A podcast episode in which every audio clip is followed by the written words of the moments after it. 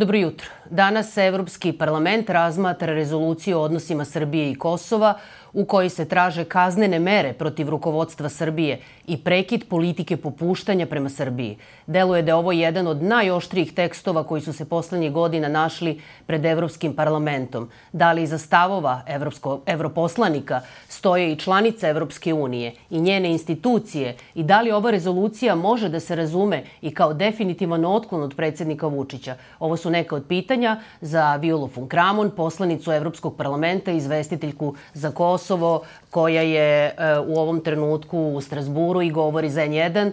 Gospođo von Kramon, dobro jutro i hvala što govorite za N1. Hvala puno, dobro jutro iz Strasbura u Evropskom parlamentu da počnemo od nacrta e, rezolucije. E, mi smo imali uvid u nacrt, verujem da će on biti delimično izmenjen. Međutim, dugo godina pratim delovanje Evropskog parlamenta. Ne pamtim ovako oštar rečnik u nekoj rezoluciji koja se odnosila na našu zemlju. Kako to da razumemo? Da li treba da razumemo kao potpuni gubitak strpljenja Evropskog parlamenta u odnosu na srpsko rukovodstvo? Well, I think Mislim da bi svi trebalo da se prisete ono što se desilo 24. septembra na severu Kosova i naravno mnogi ovde u Evropskom parlamentu, ali i u našim državama članicama su bili izuzetno zabrinuti zbog onog što se desilo, kakav je to bio napad, kakva je to paravojna grupa, otkud to teško naoružanje i tako dalje, koliko je srpsko rukovodstvo i srpska vlast e, bila umešena, koliko su bliske te e, organizovane kriminalne grupe nekim ljudima u Srbiji i tako dalje. Zbog toga, naravno, svi ovde su zainteresovani da dobiju još informacija. I to je, rekla bih, e, u srži ove rezolucije. Radi se o tome da moramo da imamo saradnju sa strane Srbije kako bi nam pružile sve činjenice i sve podatke sa terena. Moramo da imamo e, dobru istragu, da vidimo šta se se zaista dešavalo i kako je to moglo da se desi, dakle, ta destabilizacija severa Kosova. Da. E, nama su najzanimljivije restriktivne mere koje, e, koje se predlažu, to nije prvi put da čujemo, protiv rukovodstva. Na šta se tačno misli kada kažete restriktivne mere?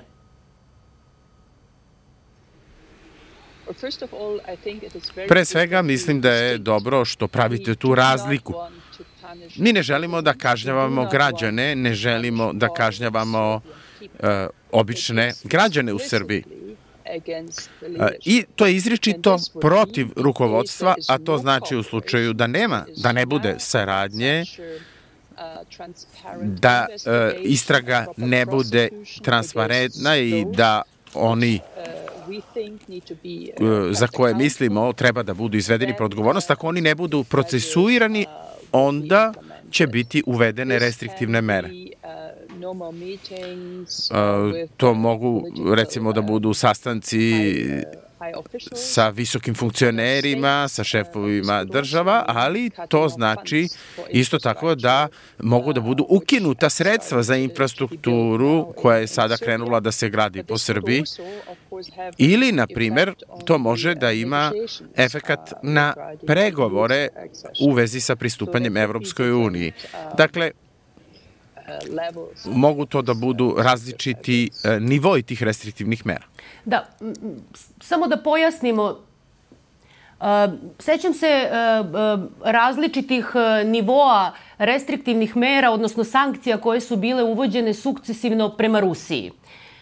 I u odnosu na to, da li, dakle, zamrzavanje računa i tako dalje, ali da li ovde razgovaramo o merama koje bi se odnosile recimo na zamrzavanje porodičnih i ličnih računa de, ljudi iz rukovodstva Srbije? Ne, to su uh, dva različita načina. Pre svega ono što su Sjedinjene države preduzele prema ljudima na severu Kosova, naime prema nekim pojedincima uh, koji su vodili te paravojne napade, Dakle, njima su zamrznuti računi, nekretnine su blokirane i druga imovina. To je nešto što je uradila Velika Britanija i e, mislimo da bi to trebalo isto tako da uradi Evropska unija. Lične sankcije protiv onih koji su direktno umešani trebalo bi da budu odmah uvedene. Druga stvar su restriktivne mere i tu nismo pominjali lične sankcije, već mere. Mere nisu u režimu sankcija, ali njih bi predložila komisija i bile bi um, vezane, uh, odnosno bile bi slične kao neke mere koje su uvedene protiv Kosova pre nekoliko uh, nedelja. Znači, nema više političkih sastanaka, ukidanje sredstava iz IPA fondova i tako dalje. Da, u, u pojašnjenju u nedavnom intervjuu za, za list Nova ste rekli da je reč, ovo što ste i danas rekli, jel, uh, protiv mera, reč o merama protiv rukovodstva I onda ste rekli koje treba e, da zapravo e, naprave štetu režimu, a ne građanima. I sad kad govorimo o šteti koju treba da se na, šteti koje treba da se napravi režimu, na koju vrstu štete vi mislite? Šta bi režimu moglo da bude štetno imajući u vidu, na primer, da režim e, računa vrlo mnogo na Kinu i Rusiju? Šta je šteta? ako se ne budete sastajali sa predsednikom Vučićem?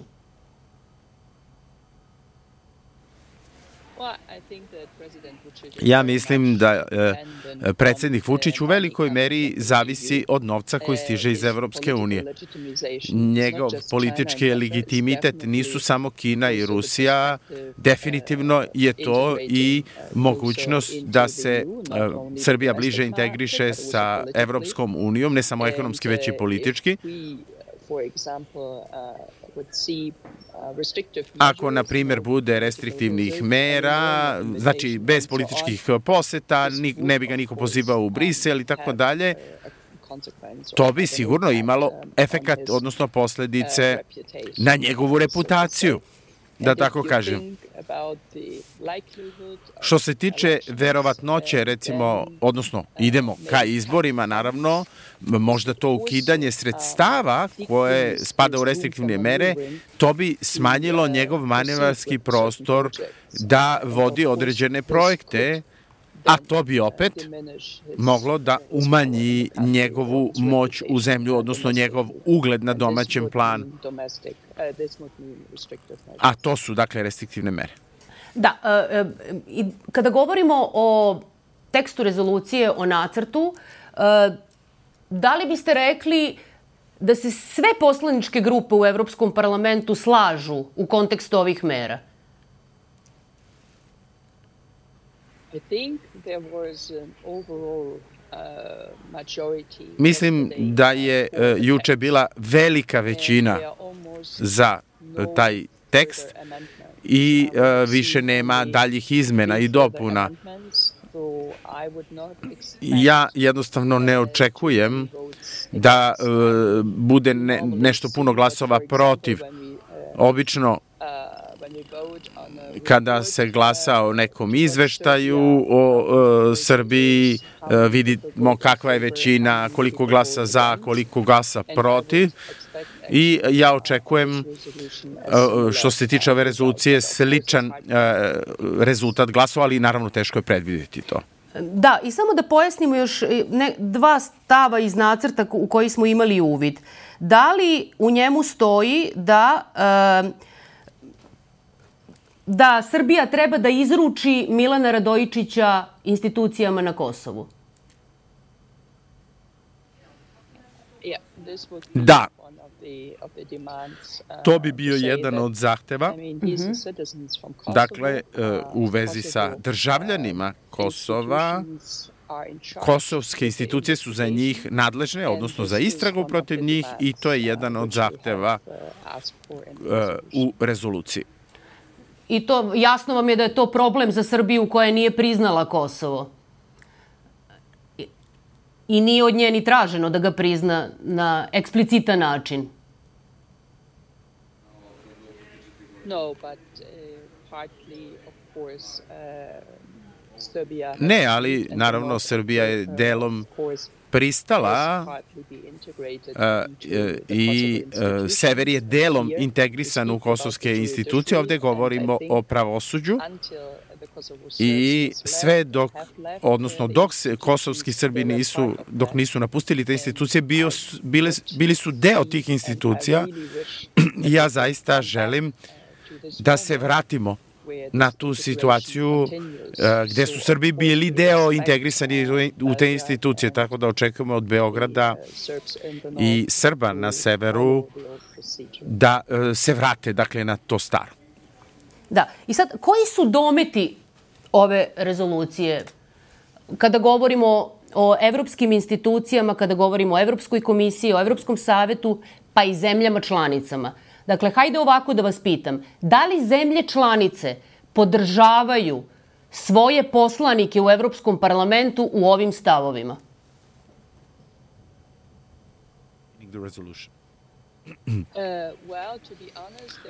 Da budem iskrena, to je bio veliki šok, dakle, posle tih dešavanja napada 24. septembra i mnoge države članice su bile ekstremno zabrinute.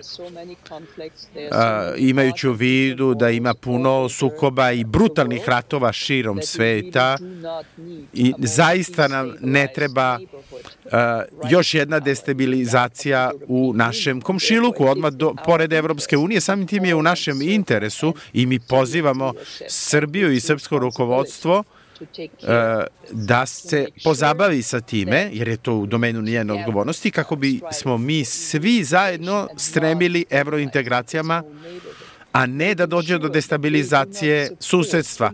Kako ne bi uh, bilo podrške kriminalnim grupama u susednim zemljama, sad da su priznate ili ne. Mi smatramo da sever Kosova mora da postane mirno mesto za život. Samim tim, tvo, e, mnoge države članice smatraju da se ovo ne može nastaviti. Moramo da pronađemo rešenje. Moramo da vidimo Kako ćemo se odnositi sa Srbijom u, bli, u bliskoj budućnosti? Ono što ste rekli na početku, uh, jednostavno strpljenje je postepeno nestalo i mogu da zamislim da bi uh, mnoge države članice podržale ovu rezoluciju. Koliko znam iz komisije, komisija priprema te restriktivne mere za slučaj da ne dođe do potpune saradnje sa strane Srbije u vezi sa istragom komisija zna da u nekom trenutku mora da reaguje. Da. Do sada su bili prilično tolerantni i komisija mora da prizna da taj način saradnje zaista na kraju nije funkcionisao. I sad kada, kada govorimo o, kako da kažem, e, koracima između usvajanja rezolucije i primene mera ili, ili posledica koje bi mogle da nastupe, suštinski od kosovskih institucija koje sprovode istragu zavisi rok, ako ja dobro razumem, e, u kome će se e, istraga završiti i odlučiti da li Srbija sarađuje ili ne.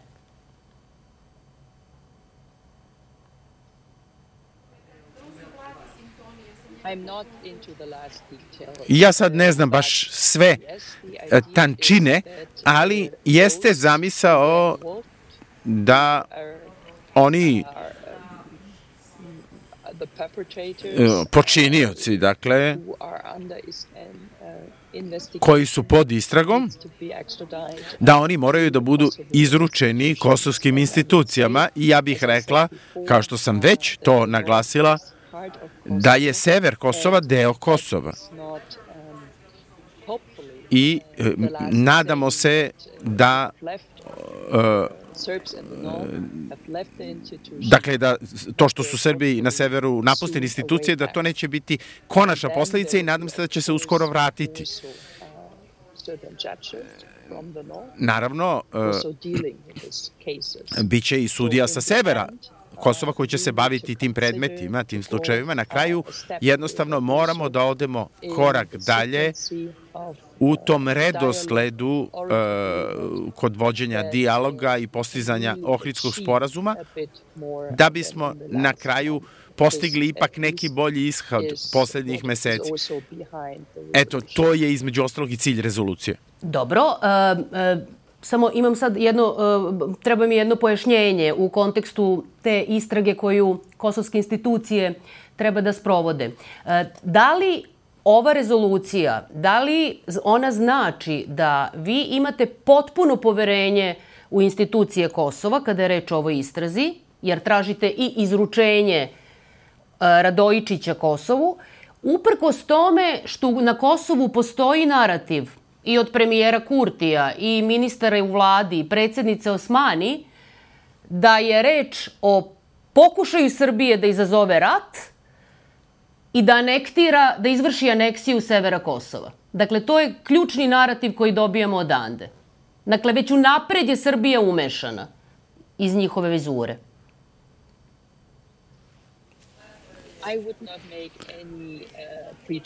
Ja ne bih ništa nagađala i prejudicirala. Iskreno, ja ne delim takvu konstataciju. I znate i da je EULEX na terenu kao i KFOR.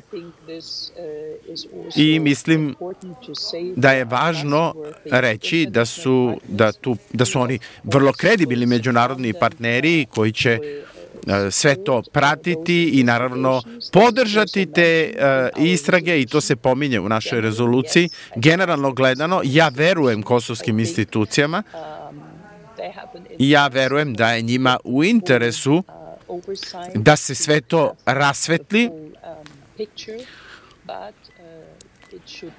Međutim, to sve ne sme biti uh, politizovano i zato se slažem da imamo brojne međunarodne partnere na terenu koji takođe učestvuju u svemu tome. Kažete da verujete kosovskim institucijama. Da li verujete institucijama Srbije?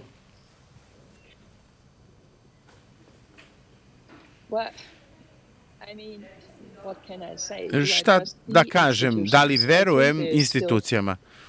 Um, Mislim da ima uh, i dalje nekih institucija uh, koje imaju uh, volju da dakle da se donese neka nezavisna pre, presuda. Ipak mnoge institucije su pod kontrolom rukovodstva i to nije nikakva tajna, to svi znaju. da ako postoji politička volja rukovodstva, onda ćemo imati dobru saradnju i sa strane institucija i nadamo se, dakle, da će se izneti određene činjenice i steći puna slika onome što se dešavalo. Ako ne postoji politička volja rukovodstva, e, onda mislim ni da institucije mogu da nam daju punu sliku stvari. I da se vratim na odnos prema rukovodstvu prema Srbije. E, rekli ste da je strpljenje na izmaku. Malo je zbunjujuće sad sve ovo. Kada čitam ovaj tekst rezolucije, on je jako oštar. E,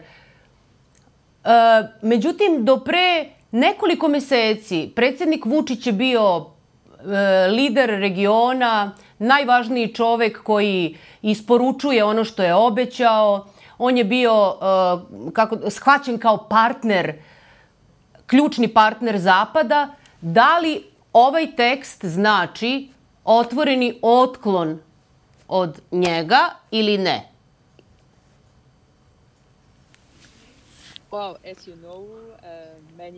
Kao što znate, mnogi u Evropskom parlamentu nisu bili uh, pobornici tog entuzijazma i euforije u vezi sa onim što je gospodin Vučić isporučio i ono što sam čula od država članica, sada mnogi šefovi država nisu baš ubeđeni da će Vučić ispuniti uh, odnosno neka rešenja za probleme gde nam je potrebno, dakle, to. Evropski parlament je uvek imao mnogo kritički stav prema rukovodstvu u Srbiji i predsedniku Vučiću i to nije tajna. To ne važi samo za zelene u parlamentu, već važi za većinu mojih kolega ovde.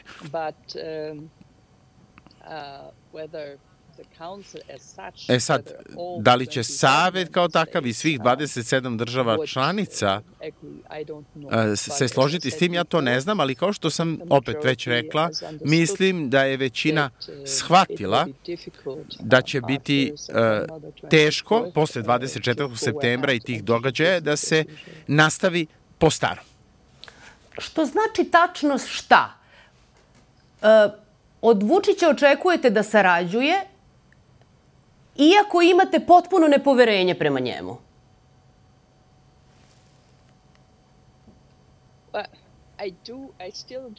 Ja se još uvek nadam da postoji politički interes da se nastavi saradnja. Samo je Nemačka bila angažovana uh, u direktnim stranim investicijama koje su dovele do 800.000 radnih mesta u Srbiji. Dakle, to nije samo ekonomski faktor, već je postoji politički faktor. Lako se može zamisliti šta bi se desilo ukoliko te kompanije ne bi bile u Srbiji, već u nekim drugim zemljama. Takve stvari ja bih imala u vidu kao da sam ja državnik. Ne donosi Kina, Kina radna mesta, oni prave infrastrukturu za skupe kredite, Kina nudi ne znam baš tačno šta, ali ne nekakvu prosperitetnu budućnost za mladu generaciju u Evropskoj Srbiji. Međutim, ukoliko odluka bude da Srbija ide sa Kinom i Rusijom, i to je u redu. Mi ne donosimo tu odluku. To je definitivno odluka koju treba Srbija da donese, ali za sada ja još uvek imam nadu i utisak da rukovodstvo Srbije ima interes da uh, toj zemlji uh, da određenu orijentaciju u pravcu zapada. Da, e, ovde predstoje izbori u decembru, e, parlamentarni, beogradski, lokalni. E, opozicija je uputila pisma, ja mislim da su ta pisma stigla i na, i na Evropski parlament, o izbornim uslovima koji su dosta loši. Nevladine organizacije, ključne nevladine organizacije u zemlji traže od evropskih institucija da ne sklapa više sporazume sa predsednikom Vučićem. Da li za vas, posto, za vas kao, kao evropsku parlamentarku, konačno političarku koja dolazi iz Nemačke, da li vidite alternativu unutar zemlje koja ne mora da bude e, Srpska napredna stranka?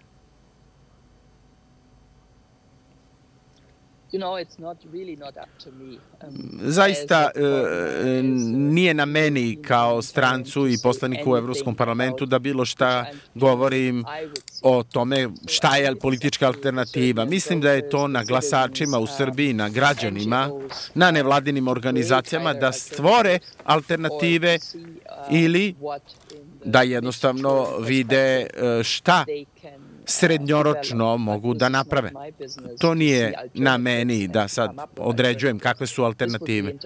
To bi bilo mešanje. I ja se time ne bavim. Ali ono što je tačno, e, moramo da napravimo uh, slobodne, pravične i transparentne uslove za izbore, da bude normalna kampanja, da ne bude napada na opozicione stranke. Moramo da stvorimo stranački pluralizam da se poštuju medijske slobode, da su ljudi bezbedni i da svi mogu da se kandiduju i da vode normalne izborne kampanje, da ljudi budu slobodni da uh, govore da nema više pritiska uh, sa strane administracije uh, dakle na nivou grada, na nivou lokala i dakle da takva ponašanja da sve to može da se reguliše tako da imamo slobodne, pravične, transparentne izbore i to je važno. Gospođo von Kramon, hvala što ste govorili za televiziju N1. Bila je ovo evroparlamentarka Viola von Kramon i emisija Iza vesti. Ostanite i dalje uz Novi dan. Prijetno.